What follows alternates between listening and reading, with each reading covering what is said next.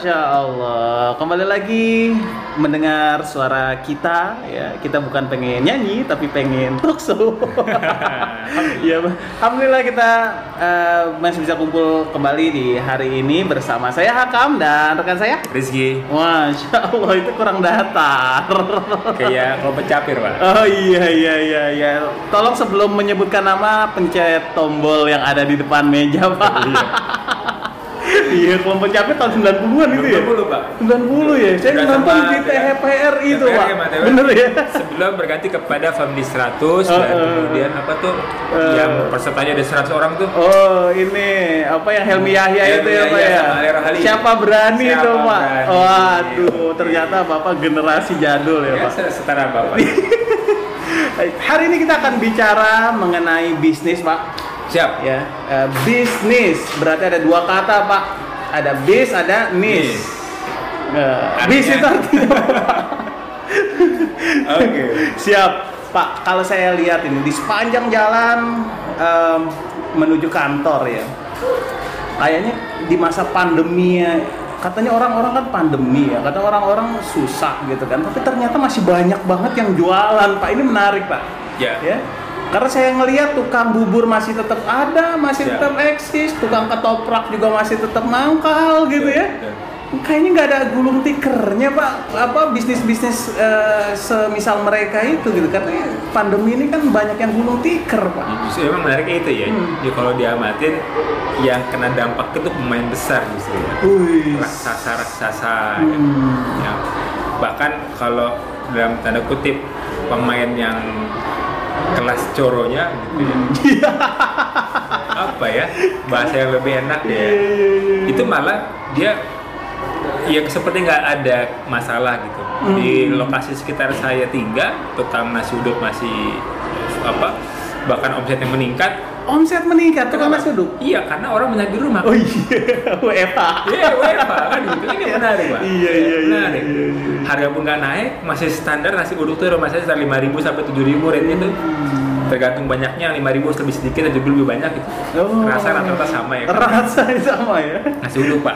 Kalau nasi uduk sama nasi kuning beda rasanya Iya, iya. Itu rasanya nasi kebuli pak. Nah itu eh, memang sesuatu yang yang harus menjadi semangat kita bahwa di masa pandemi pun eh, Allah menunjukkan bahwa banyak sekali usaha-usaha yang dia bertahan. Apa sih yang bikin mereka bertahan? Kalau menurut eh, Pak Rizky ini, Gimana Bung Hakam? Tapi memang eh, eh, bicara apa sih yang membuat bertahan gitu ya? Kalau saya melihat dari hal yang paling dasar ya, tukang nasi uduk dia bertahan jualan nasi uduk karena emang mungkin itu satu-satunya yang skill yang mereka punya. tidak mereka punya. Sama. Tadi karena itu dari yang paling dasar kan bagaimana orang itu mau bergerak karena apa? Hmm. Karena ada niatan yang nggak bisa dia dihilangkan. Oh, motivasi. Motivasi. Oh baik. Dan di masa pandemi ini motivasi mereka adalah mencukupi kebutuhan hidup. Tuhan ini. Hmm. Jadi- Karena semua pada susah Eh, ya. apa pun yang kemudian diikhtiarkan karena niatan emang nyari kehidupan dijalakuin. Berarti duit masih ada ya. Katanya kan krisis nih. Tapi duit berarti masih masih ada ya di keluarga-keluarga ya. Nggak nggak hilang ya. Iya, kan kalau hilang selesai Pak dunia. Oh iya iya iya. Ya, mungkin- Artinya masih daya belinya itu sebenarnya masih masih tinggi. Nah, ini juga menarik nih. Hmm. Eh, kenapa warung kopi yang nggak bermerek tumbuh banyak? Hmm. Justru yang bermerek bermerek nih, kita sebut merek ya nggak apa-apa ya? Eh, jangan pak. Jangan. Ntar sangkain ngendos. Ya, Opdon misalkan gitu Iya. ya. Opdon misalkan atau kemudian eh, Don normal. normal. Masih jangan jadi nggak normal. itu kan berkurang omsetnya. Oh, nah, oke. tapi warung warung kopi yang skala-skala ganggangan Hmm. banyak. Hmm. Banyak. Ya, karena ya mereka masih pengen ngopi, apa ya harganya pengen lebih murah. Hmm. Itu juga kenapa mungkin ya, kenapa mungkin akhirnya yang tukang nasi uduk Hmm, hmm, hmm. rame karena mungkin dia belinya awal-awalnya waktu belum pandemi nggak nasi uduk Hmm. masih tinggi-tinggi ketika pandemi kan iya. makannya udah bubur Berarti pandemi ini berkah tersendiri buat UMKM Butuh kita ya. UMKM. Artinya untuk yang skala-skala kecil sebenarnya menghidupi juga ya. Hmm. Tinggal bagaimana tadi deh, dia bisa istiqomah. Ingat dia bukan bicara nggak tanpa ujian ya, Hmm. ada ujian itu pak. Tentu tentu ada ada kendalanya, tapi dia masih bisa struggle ya. Hmm. Nah itu menurut menurut Aji Akam selain tadi masalah masalah niat pertama ya. Hmm. Menurut saya kan tadi masalah niat. Yang kedua apa tuh yang membuat mereka bisa? Kalau saya sih apa karena memang sempat aktif lah di eh, industri startup ya. Ada satu idiom yang Hmm. menarik Pak Hmm. dari eh, teman-teman startup bahwa ketika Anda membangun startup, mentalitas Anda itu harus kayak kecoa. Ya siap. Jadi- Kecoa apa ya? Kecoa, bisnis kecoa jadinya. Iya, tapi saya tadi saya tadi saya googling pak, ada ada ada susu kecoa pak ini ini saya geli banget pak iya. Iya. Tapi ternyata tiga kali lebih lipat, tiga kali lebih berkhasiat dibandingkan susu sapi. Cuma saya bayangin gimana meresnya. Nah, pertanyaan sama. Terus dari mana? Iya. Terus ngebedain mana laki-laki sama perempuan tuh? Iya, iya. Tapi saya juga aneh. Tapi ternyata ada jenis susunya itu bentuknya kristal pak. Wih, jadi nggak perlu kayak SGM mungkin saya ngelihatnya ya. Mbak, Saya juga baru baru tahu baru tahu. Tapi balik lagi pak. Jadi mental yang dibangun adalah mental kecoa. Kenapa mental kecoa? Pertama dia bisa hidup di kondisi yang sangat sangat ekstrim. Ya kondisi paling dingin di kutub ternyata ada kecoa pak. Kecoa kutub. Ya, tapi bukan kecoa bunting, Pak. Itu ada cuma di Betawi doang itu kecoa bunting. Di kutub ada kecoa. Kemudian di gurun juga ada kecoa. Jadi kondisi ekstrim panas-panas banget dia tetap bisa hidup. Kemudian juga eh, dingin-dingin banget juga dia bisa hidup. Tapi mungkin sebagai orang IPS nih Pak ya. Oh iya iya. Bapak IPS. Saya Rizky Pak. Ah iya. Sebagai orang yang mungkin jangan dipikirkan sama ya bentuk kecoanya dengan kecoa di Indonesia ya.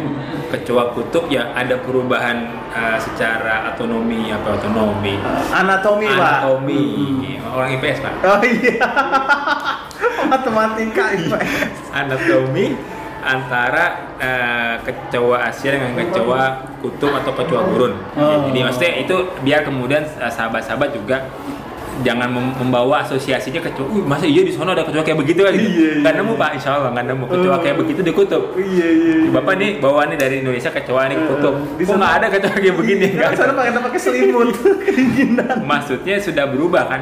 Ya ada perubahan, tapi spesialnya spesies kecoa gitu. Betul betul Iya, betul. iya. Spesiesnya kecoa, tapi secara uh, fisik gitu ya masih sama sebenarnya, cuman ada elemen-elemen yang membuat mereka tuh bertahan. Siap. Waduh. Nah, jadi dia di sisi eh, di, di cuaca ekstrim masih bisa bertahan. di cuaca Itu ekstrim itu masih bisa bertahan, di cuaca panas ya, di dingin juga dia masih bisa bertahan. Dan kalau kita perhatikan sebenarnya eh, kecoa itu ya, kalau kita cabut itu kepalanya pak, dia masih bisa hidup. Ini luar biasa. Kecoa bisa hidup meski tanpa kepala. Gimana nggak ekstrim juga tuh gitu kan. Iya. Artinya mentalitas yang dibangun ya udahlah, ayo di kondisi yang terbatas, kemudian juga eh, kemampuan dia terbatas gitu ya. Jangan jadi alasan untuk nggak bisa tumbuh, nggak bisa hidup, nggak bisa eh, berkembang, nggak bisa membangun gitu loh. Nah jadi kan ini penting banget, eh penting juga pak kalau kita nanti bahas tentang kecoa di episode selanjutnya Oke. mungkin. Jadi yang pertama itu tadi dia eh, su- apa eh, se- cuaca ekstrim. Cuaca ekstrim. Kemudian ada organ yang kemudian harus diamputasi pun dia masih bisa Iya, survive. kepala loh pak, bukan hanya organ kayak kaki. Kalau kaki mungkin binatang lain masih kepala, kepala dicopot, ternyata dia bisa masih bisa hidup selama seminggu. Nggak makan kan berarti kan? Kamu ngebayangin gitu kalau nggak ada kepala makannya dari mana gitu? Menarik ya, karena kan sebenarnya di manusia juga kalau kepala dicopot selesai. Kepala dicopot Ya, selesai. karena eh, aliran darah kotak kan nggak ada Uh, akhirnya. uh, uh, uh, uh, uh. Apa lagi pak? Oh iya iya. Ini masih Berdua masih bis- bicara kecoa atau Ya, iya, bicara iya. motivasi. Kalau bicara kecoa ternyata nih menurut ensiklopedia perkecoaan ya, kecoa itu kalau kena radiasi nuklir dia juga masih bisa bertahan. Uh, ini keren. Hmm. Gitu ya. Jadi kalau ada bom atom ya, Hiroshima Nagasaki kita bayangin Jepang dulu ya cari ya kan semua pada mati gitu ya. Ini satu yang hidup kecoa itu pak yang masih bisa bertahan ini, ini dan ternyata dia udah hidup 250 juta tahun yang lalu. Wow, Kecoa. ini lebih tua dibandingkan umur manusia. Umur Nabi Adam kan nggak nggak nyampe sejuta. Ya, umur Nabi Adam itu kan. Tapi dia 250 juta tahun yang lalu kecocok udah ada. Ini menarik. Nah, artinya adalah mentalitas yang dibangun oleh teman-teman UMKM, oh, teman-teman pebisnis pemula, teman-teman yang berkecimpung entah itu di bidang online maupun offline ya bisnis offline yang masih kecil-kecil gitu kan karena kan UMKM itu usaha mikro kecil dan menengah menengah. Wah, jadi benar-benar yang memang omsetnya masih terbatas, ya mentalitas yang dibangun adalah mentalitas tadi. Iya. Ya tahan bantingnya gitu ya. Mau dibanting kayak apa juga hidup-hidup lagi. Terbukti ternyata tukang nasi uduk masih ada tadi Pak Rizky bilang tukang eh, ketoprak batagor juga masih oh nasi goreng gitu ketoprak kan. kan ada ada versi terbaru pak ribon ketoprak Eh, tahu apa eh, enggak enggak Pak. ketoprak plus Heeh. telur Loh, emang yang pernah- sebelumnya? Enggak ada pak. Oh. Genre ketoprak selalu itu genre kekinian tuh. Setahun belakangan ini lah. Iya, setahun belakangan ini. Dan harganya sekarang sudah menambah di angka 15 up ya. 15 Oh, bukan. udah jadi makanan kelas menengah ini, Menengah. Pak. Iya, ketoprak. Iya, ketoprak, ketoprak ribon, eh ribon, Ribon. Oh, rebonding. Dan dulu ketoprak humor. Saya pikir, saya pikir ini saat hanya muncul karena ide seseorang aja penjual Yes. ketoprak. Heeh. Ternyata Ternyata enggak. enggak ya? Enggak, jadi tuh dia kayak semacam konsorsium ketoprak itu Heeh. menyepakati bahwa ketoprak plus telur itu jadi satu menu an- tambahan di Hmm. ketoprak. Iya, Bahkan iya, ada iya. yang membanding dengan, mohon maaf ya, mie instan. Luar biasa. Ini yang ketiga berarti selain niat, mentalitas, inovasi, Pak. Masih. Jadi kecoa pun inovasi, Pak. Eh, kecoa enggak, Pak? Oh, enggak. Maksud Oh, saya masih nyambung sama kecoa. ini. ini ketoprak. Iya, artinya UMKM itu kan tadi kan kenapa dia bisa tetap tumbuh hidup di Iya. masa pandemi? Pertama niat dia kuat, ya dia pengen menghidupi keluarganya. Kemudian yang kedua mentalitas yang dibangun gitu kan, tahan banting di tengah Naik, kondisi naik uncle coach ya. Yuh, Kecoa. seperti kecoa. yang ketiga tadi ternyata inovasi.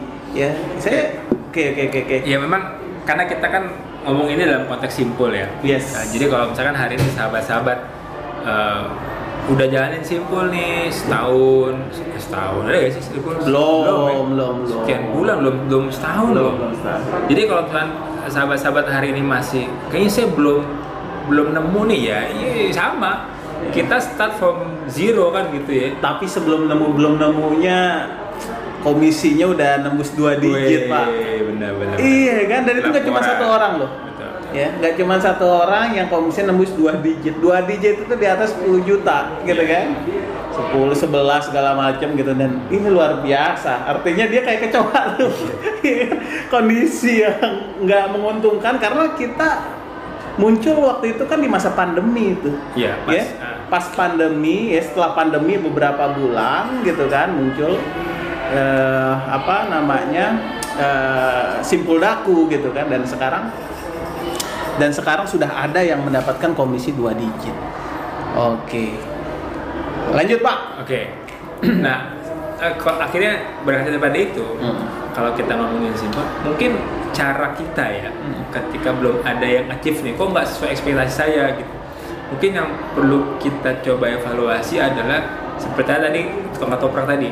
Jangan-jangan kita kurang inovasi dalam konteks eh, menyebarkan link atau Tiga itu tadi pak, jangan cuma yang terakhir. Jangan-jangan niat kita belum kuat. Wow, benar. Iya kan? Jangan-jangan mental kita masih lemah gitu kan? Kayak mental tempe gitu ya. bukan mental kecoa. Bukan mental kecoa. Dan yang ketiga mungkin kurang inovatif gitu ya. Cara kita eh, nawarin dan cara kita membangun hubungan gitu. Ya. Jadi Iya, iya. ya minimal tiga tadi yang bisa kita evaluasi kembali. Hmm. Ah, saya sih prediksi niat kita sahabat-sahabat semua Hmm. eh, sudah jos nih. Saya pengen apa gitu kan. Mental juga nothing tulus ya. Hmm. Kalau dua itu sudah sudah dirasa cukup oke ya tinggal yang ini nih yang ketiga mungkin yang perlu yang perlu kita sama-sama perhatikan bagaimana kita menghasilkan inovasi-inovasi baru yang mudah-mudahan eh, insight-insight yang mulai begini kita akan ikhtiarkan rutin ya Hmm. Oh iya, masuk Ramadan jelas, ya jelas. masuk Ramadan nih Hamin lima mungkin sekarang menjelang Ramadan nih Hmm. banyak lagi tuh cara-cara sahabat-sahabat semua kemudian muncul dan kemudian akhirnya bisa berbuah dengan apa keberhasilan ya Sih. Dan sebenarnya saya membatasi uh, di podcast kali ini dalam konteks begini. Kalau ya saya nunggu aja nanya, saya nunggu ada respon gimana inovasi apa sih yang uh, Simpul tepat siapa? gitu Oh, kan, oke. Oh, uh, yang tepat kita lakukan di uh, simpul gitu. Ah, saya nunggu aja nanya. Nanti kita buatin podcast, gitu Siap. ya, podcast tersendiri. Jadi kalau ada Ya kenapa ya? Ya, Biar nggak itu- terlalu panjang. Penting itu inovasinya memang kita nggak bahas sekarang. yes. Kita masuk iya. pada aspek ya tadi lah, bagaimana kita punya punya spirit like uh, cockroach seperti kecoa. Hmm. Dan saya pun baru uh, tahu sedikit bahwa ternyata kecoa itu punya titik lemah. ya. Uis. Iya, titik lemah yang mungkin Pasti, juga Pak. Setiap makhluk pasti sahabat-sahabat juga tahu. Dan kelemahan kecoa itu juga sering kita lihat. Mm-mm. Iya. Apa itu? Iya, ketika dia terguling. ketika dia terguling itu udah posisi dia yang paling lemah. Eh, telentang. Iya, iya. Tapi luar biasa ya. Pernah gak lihat sahabat-sahabat kecoa ketika terguling itu diam aja? Mm-mm. Oh. Enggak kan? oke. Wah, cowok begitu begitu. Iya, Ah, apa ini kalau kalau kalian lihat videonya itu, ya saya nyontohin tuh bagaimana pas guling-guling dia mau Iya, berusaha balik. iya, iya, benar, benar, benar. dan mereka beru eh, mereka ya kecoa ini berusaha membalikan badannya kembali untuk dalam posisi semula Hmm. sampai kemudian akhirnya kalau yang nggak sanggup Mati. mati Oh, luar biasa. Iya. Sampai titik darah penghabisan dia berusaha ya, Pak. Ya itu itu juga Ini bagus banget nih kita bahas kecoa ini itu kayaknya. belum dap itu nggak tahu tuh ada gak di mengupas ke kelemahan kecoa menjadi sisi positifnya kan Ah, ah, ah. bahwa ternyata mental kecoa walaupun dia punya titik lemah yang paling hakiki yaitu tengkurap Mm-mm. Telentang, Pak. Iya. Kalau tengkurap, iya, benar. udah udah tengkurap dia, Pak. Bentar sosial pak Iya, iya, iya, iya. telentang Telentang. Ya, telentang itu kan eh, kondisi yang sering kita lihat ya jadi di aspek yang di aspek yang paling lemah menurut menurut kita ternyata kecoa nggak nggak diem aja. Oke. nah jangan-jangan kita punya sebenarnya titik lemah tuh nggak nggak nggak nggak banyak sedikit Hmm. tapi ternyata kita lem, kita apa bahasanya ya malah menjaga titik lemah itu. Hmm. ya malah menjaga kondisi yang nyaman buat kita. Kira apa ya? Kita nggak bisa survive nggak bisa maju gitu aja Heeh, jadi ketika dia berhenti, berarti dia mati. Mati. Gitu ya. Ketika dia apa telentang tadi kebalik keguling dan dia berhenti kakinya gitu kan untuk sama apa tuh berusaha. apa, apa tuh namanya tuh Sumut, sumut, sumut, antena. Nah, Hmm. kan dia punya dua alat yang bisa membalikannya kaki dan juga antena Hmm. ya kalau misalkan aja kamu suka merhatiin ya Hmm. Ya, itu antena juga menjadi menjadi alat dia untuk berusaha membalikkan badannya Hmm. Ini hikmah jadi kalaupun kita merasa kayaknya saya kurang istiqomah nih maka beristiqomah sampai meninggal Masya Allah. Ya. Uh, jadi ingat itu. ya. uh, kok jadi saya saya, saya, saya tahu sih ini Iya, Bapak jadi menjelang berbukti. bukan ya jadi eh, ya itulah Eh, kalau mudah-mudahan kita tahu nih saya lemah di sini ya udah itu perbaiki kelemahan kita sampai kemudian memang kelemahan itu tertutupi dan kemudian kita pindah ke kelemahan yang lain Hmm. ya gitu kan Ji biasanya kalau lepas dari satu masalah kita pindah masalah lain terus kayak begitu Hmm. ya itu mungkin dari saya terkait dengan eh, apa pandemi UMKM Oh, Oke, siap. Baik teman-teman sekalian, tadi kita sudah eh, berbincang mengenai bisnis kecoa. Bagaimana mentalitas bisnis dan kita mengambil pelajaran dari makhluk yang menurut kita sangat-sangat menjijikan, ya geli kita ini kan ya. Tapi ternyata dia punya banyak eh, hikmah yang bisa kita eh, telurkan juga eh, untuk bisnis kita. Baik, barangkali itu saja dari saya Hakamel Farizi dan rekan saya Rizky Ya, insya Allah kita akan ketemu lagi di uh, podcast selanjutnya. Assalamualaikum warahmatullahi wabarakatuh.